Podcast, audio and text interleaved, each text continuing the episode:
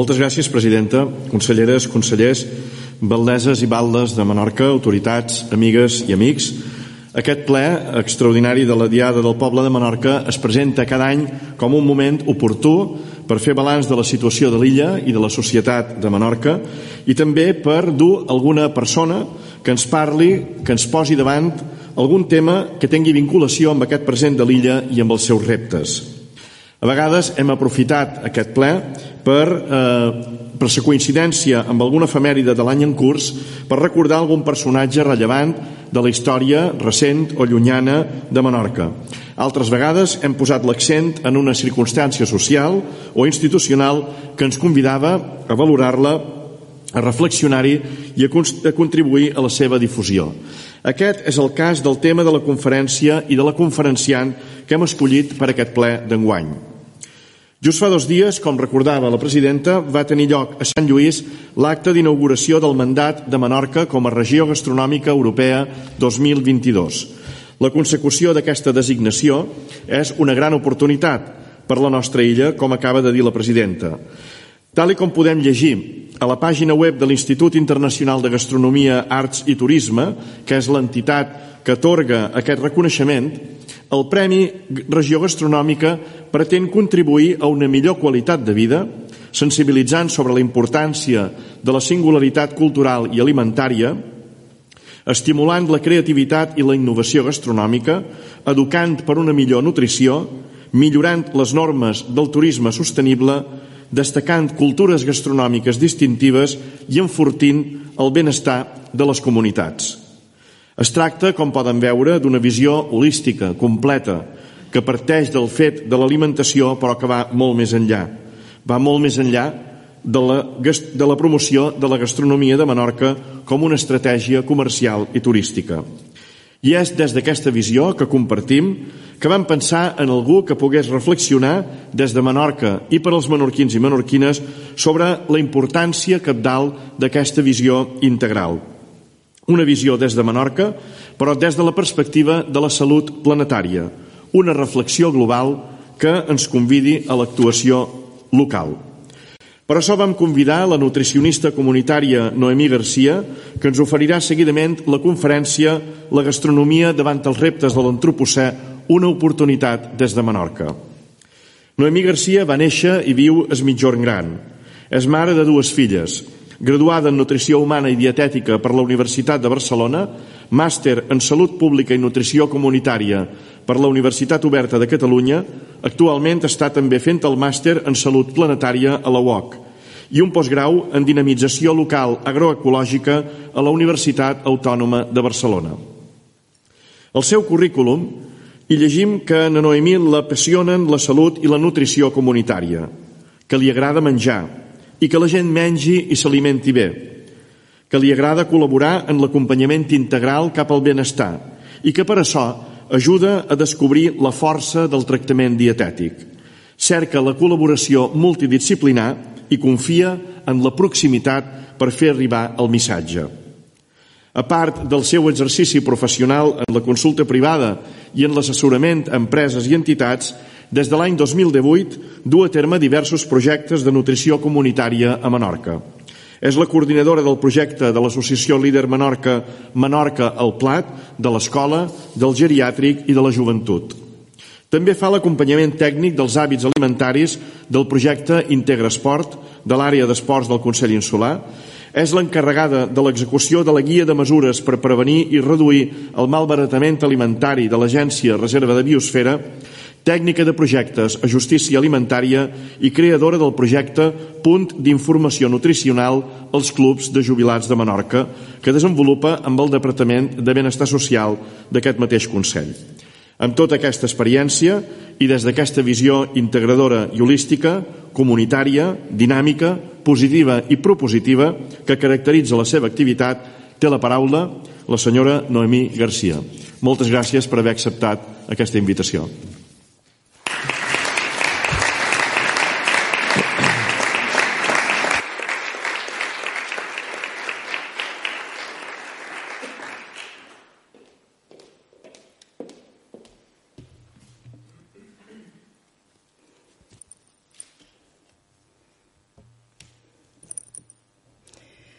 Bones tardes, autoritats, família, amistats, companyes i companys, oients.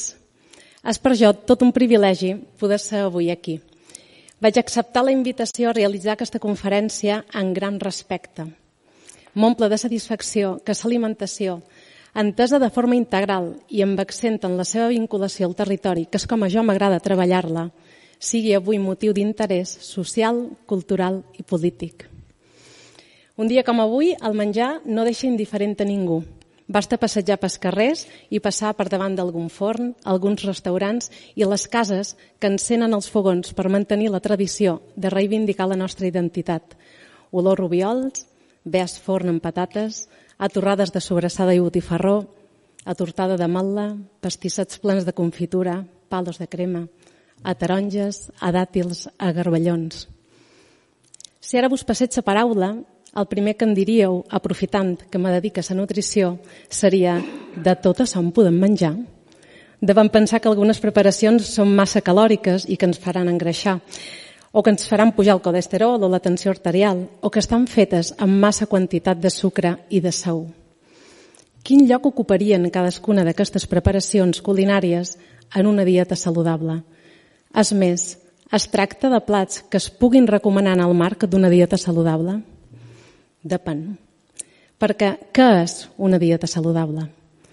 Entre la població, les respostes serien variades, però a la vegada orientades per una indústria alimentària massa preocupada pels seus interessos i menys per la seva responsabilitat social i per una publicitat de productes alimentaris gens responsable.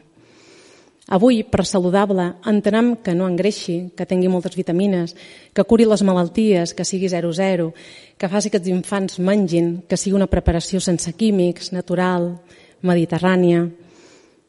És curiós com en una societat immersa en la modernitat alimentària en què regna l'abundància i en què disposem més que mai de prou informació i regulació sobre els aliments, al mateix temps, les consumidores més avançades expressam més por, més incertesa i més preocupació en el moment de fer eleccions de consum saludables.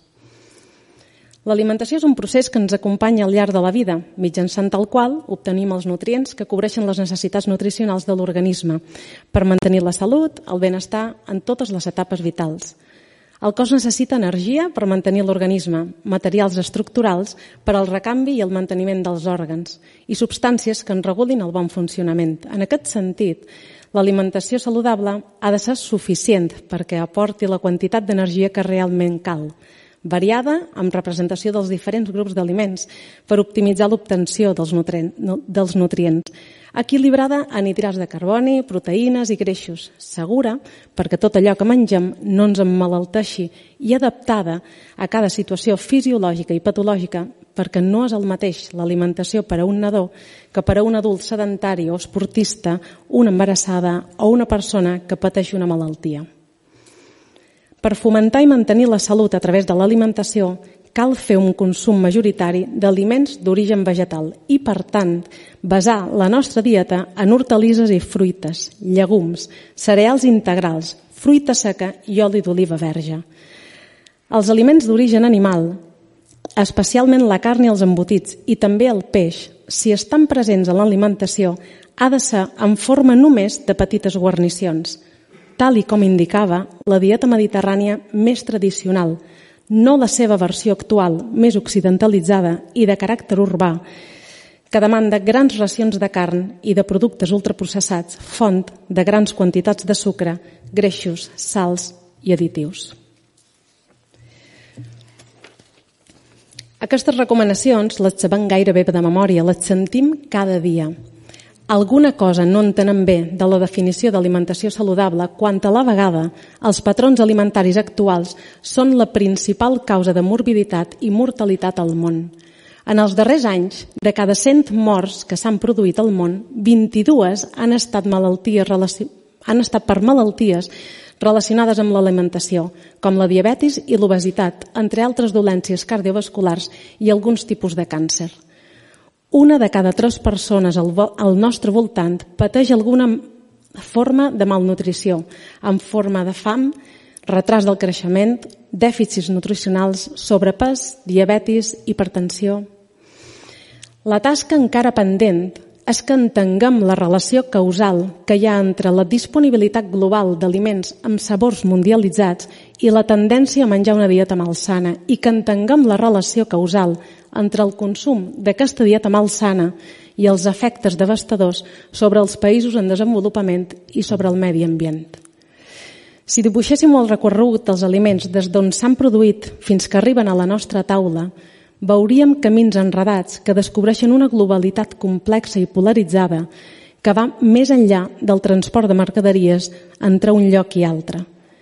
Cada vegada hi ha més problemes perquè l'actual sistema alimentari proporcioni aliments suficients, inocus, diversos i rics en nutrients per tothom. Avui, l'alimentació d'unes persones és la fam d'altres persones. El fet de que grans corporacions alimentàries inverteixin directament en els països en desenvolupament, apropiant-se de qüestions agrícoles que pertanyen a les comunitats per decidir quins aliments han d'estar disponibles en tot el món, té un impacte cultural inevitable de dimensió global que percebem com a pèrdua de tradicions i d'identitat local. Orientar l'economia local a una escala mundial comporta els, comporta els costos de la destrucció de la base alimentària domèstica, la pèrdua de diversitat vegetal i l'augment d'inseguretat alimentària per a les poblacions rurals. Ho diuen organitzacions com la FAO i la OMS.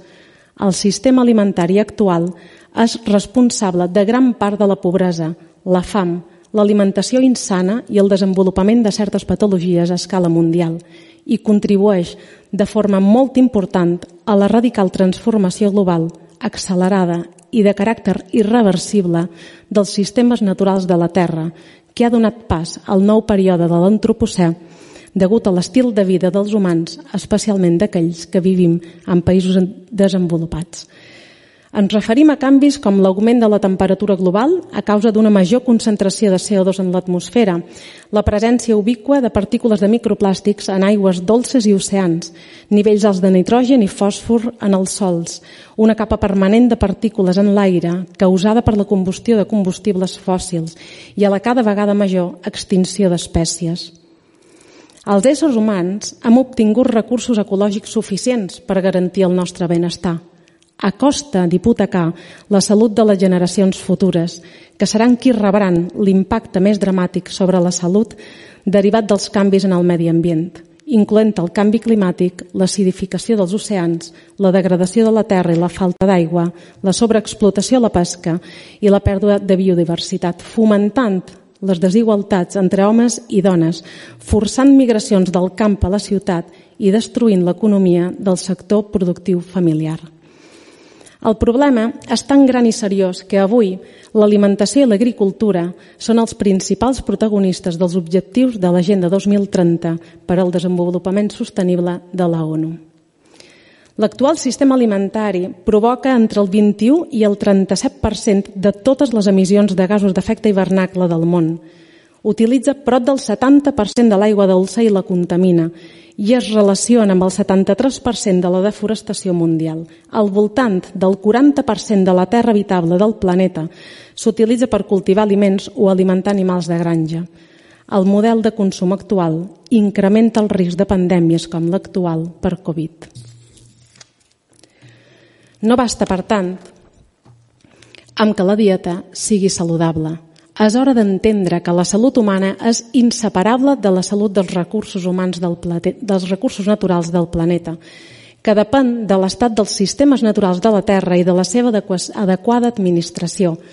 Per contemplar l'impacte mediambiental de les poblacions, es proposa un nou concepte de salut, el de salut planetària, que promou la salut humana dintre dels límits sostenibles del planeta, en una societat justa i equitativa, a través d'accions urgents que protegeixen les generacions presents i les futures.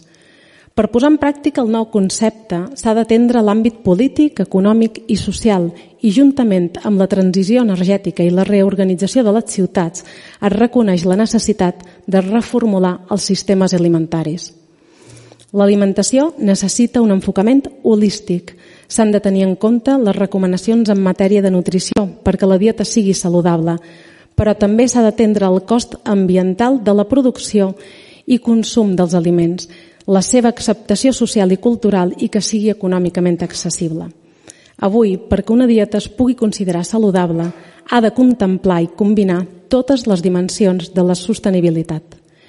Davant un plat de bees forn, una tortada de matla o una taronja, ens hem de demanar d'on venen els ingredients? S'han produït localment o en la nostra proximitat o són aliments importats que han recorregut milers de quilòmetres? Qui ha produït i sota quines condicions laborals? Coneixem les famílies que mitjançant la seva feina conserven el patrimoni de l'illa o tan sols podem identificar una marca que està de moda? Com s'han produït aquests aliments? Quants fertilitzants i pesticides s'han utilitzat? S'han respectat els cicles naturals del bestiar? Quan s'han produït? Segons marca el ritme del nostre camp o desafiant els calendaris de cultiu i de consum de temporada? Aquí, a Menorca, els tomàtics són d'estiu i les taronges d'hivern. On hem adquirit els aliments? Hem hagut d'anar a grans superfícies comercials per satisfer el plaer de menjar o han pogut trobar els aliments als mercats agroalimentaris, a les cooperatives i als petits comerços de poble. Com els hem adquirit? A granel o amb quants embolcalls innecessaris? Quant menjar sobrat al plat i l'hem acabat tirant? De quina qualitat serà el pa de la torrada de sobrassada que menjarem aquesta nit? De quina qualitat serà la sobrassada? De possibilitats n'hi han moltes, tant per un ingredient com per l'altre – d'ingredients que realment valguin la pena, pocs però únics a Menorca, i els tenim més a prop que mai. I ja que hem tret el tema de la sobrassada i també del bé, aprofit per fer un incís i vos anima que, davant la incomoditat que encara provoquen les següents paraules, cadascuna de nosaltres les paeixi a foc lent, amb uns grams de reflexió constructiva i un pulsim de visió de futur. El consum de carn vermella, carn processada, lactis greixosos com el formatge i peix és el que millor determina la sostenibilitat de la dieta, considerant tant la salut humana com l'impacte sobre el medi ambient i el preu de l'aliment. És a dir, el consum d'aquests aliments és el que determina que un patró alimentari sigui insostenible. El nostre consum de carn s'ha incrementat gairebé cinc vegades en els darrers en, des dels anys 60. Bastaria en reduir el consum de carn a màxim tres racions petites a la setmana i vetllar, sobretot, per la seva qualitat. Davant un model alimentari globalitzat i industrialitzat, caracteritzat per una separació física, social i d'identitat, convé qüestionar-se les accions de l'agricultura i la ramaderia i recuperar el concepte de relocalització del sistema alimentari, des d'un punt de vista geogràfic, però també i sobretot de relació, de vincle, de valors entre agricultors i consumidors. Cal apostar pels aliments frescos, de temporada, locals i produïts i comercialitzats amb criteris agroecològics. El seu consum suposa una menor despesa de recursos hídrics, energètics i econòmics, redueix l'ús de conservants químics, evita punts de malbaratament alimentari, disminueix la necessitat d'embalatges i de plàstics i ens apropa al camp i a les persones que han produït els aliments. Tenc la gran sort de que entitats com Justícia Alimentària, Líder Menorca, diversos departaments del Consell Insular de Menorca, el Fons Menorquí de Cooperació, a PIMAS dels centres educatius, m'hagin confiat projectes d'educació nutricional al costat de persones de totes les edats que m'enriqueixen dia a dia són precisament l'experiència de les persones més grans i la coherència de les persones més joves el que em motiva per continuar la meva tasca en matèria d'alimentació i em convenç de que el canvi encara és possible. És absolutament impressionant veure les cares de felicitat d'esportistes joves quan els comparteixes per fer saber a una poma nostra, cuida avui mateix – i poder escoltar a alumnes que s'aixequen amb indignació de la cadira per dir que no entenen aquest món ni el volen entendre i que alguna cosa hem de fer. És absolutament impressionant viure en primera persona la implicació de les mestres i el professorat dels centres educatius en la seva tasca de transformar el model actual de consum. És absolutament impressionant veure com moltes famílies entenen que hem de fer eleccions més crítiques d'aliments i que volen sumar-se definitivament al repte de canviar el sistema alimentari. Però no ens enganem, no tot és qüestió de compromís social. La gent, siguin quins siguin els aspectes socioculturals que ens identifiquen, els valors, símbols, gènere, religió, generalment menjam allò que ens podem permetre pagar. L'alimentació saludable i sostenible ha de ser també assequible. D'acord? Cal fer un procés d'alfabetització alimentària. Hem de prendre, eh, han de prendre consciència de les prioritats que establim entre les despeses de la llar i també aprendre a esquivar les orientacions psicològicament agressives, equívoques i fins i tot contradictòries d'una indústria alimentària mundialitzada. Però tot això ha d'anar acompanyat d'un conjunt de polítiques alimentàries intel·ligents i coherents, de caràcter transversal, que tinguin en compte els nostres comportaments individuals i col·lectius, les barreres d'aprenentatge a què ens enfrontem, l'economia i l'entorn alimentari, i que impulsin intervencions nutricionals i de vigilància que fomentin els hàbits alimentaris saludables i sostenibles, que contribueixin a que les consumidores vulguem, però també puguem, triar pa integral elaborat diàriament en un forn familiar ravesí, en lloc de cereals o galetes funcionals, quilomètriques, vestides d'embalatges que acabaran sent un residu i produïdes de forma intensiva en un sistema alimentari globalitzador capficat en homogeneitzar les cultures alimentàries locals. Menorca, indret excepcional i de reserva de biosfera, ofereix una ocasió de luxe, especialment ara, que el debat sobre la, la, el debat sobre la sostenibilitat de les dietes ocupa un lloc destacat en les agendes internacionals dels governs i de les organitzacions civils privades i acadèmiques. Des de l'any 2017, Menorca forma part del conjunt de ciutats signatàries del Pacte de Política Alimentària Urbana de Milà, que compromet l'illa a desenvolupar sistemes alimentaris sostenibles, inclusius, resilients, segurs i diversificats que garanteixin una alimentació saludable i accessible a tota la societat. Des de llavors, l'Agència Menorca Reserva de Biosfera treballa en col·laboració amb l'Organització Justícia Alimentària i la Fundació Daniel i Nina Carasso per consolidar i desenvolupar l'estratègia alimentària insular, transversal i coordinada de polítiques alimentàries basada en els objectius de la sobirania alimentària. Amb el nomenament de regió europea de la gastronomia, Menorca torna a ser mirall de cara al món. L'abast d'aquest títol dependrà del que vulguem entendre per gastronomia. Si preferim acotar-la únicament a l'art de preparar un bon menjar, triomfarem segur, perquè comptam amb un bon ventall d'extraordinàries cuineres i cuiners, però no acabarem de donar resposta a les necessitats socials i ambientals que demanda el planeta.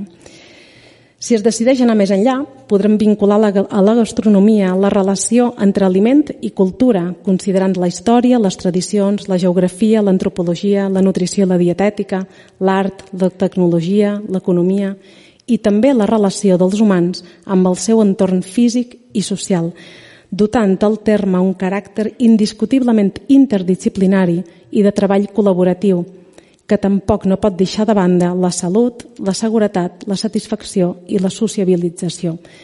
Vista així, la gastronomia ofereix una visió integral de tot el sistema alimentari, on són importants totes les passes de la cadena alimentària, des de la producció dels aliments fins al consum i aprofitament final dels mateixos. La dieta intensiva basada en carn i productes processats, la difusió del sucre i dels greixos insans, les epidèmies d'obesitat, de desnutrició i de sedentarisme, la injusta distribució dels aliments, la generació indecent de pèrdues i malbaratament d'aliments, l'escalfament global, són algunes de les emergències urgents que marquen l'emocionant repte al qual pot enfrontar-se la gastronomia menorquina del futur.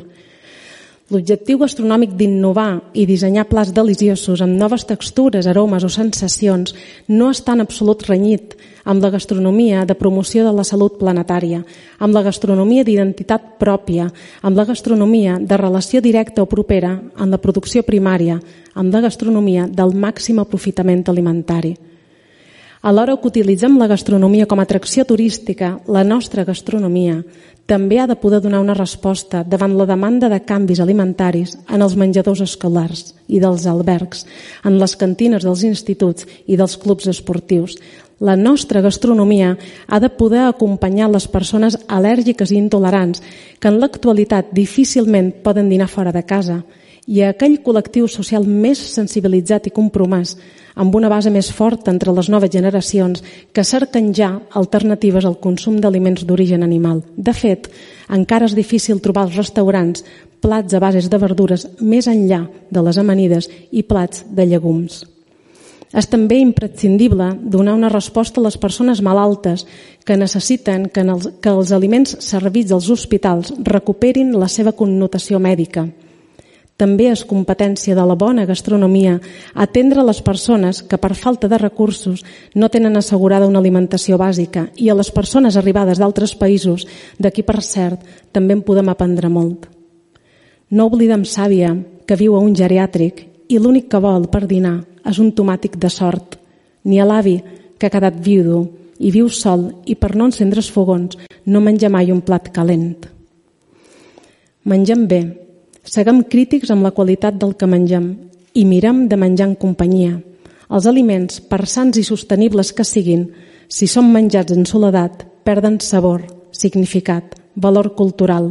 En la millor recepta sempre hi ha els ingredients de l'afecte i les emocions. L'alimentació saludable i sostenible també ha de ser satisfactòria. Salut, bons aliments i bona diada de Sant Antoni.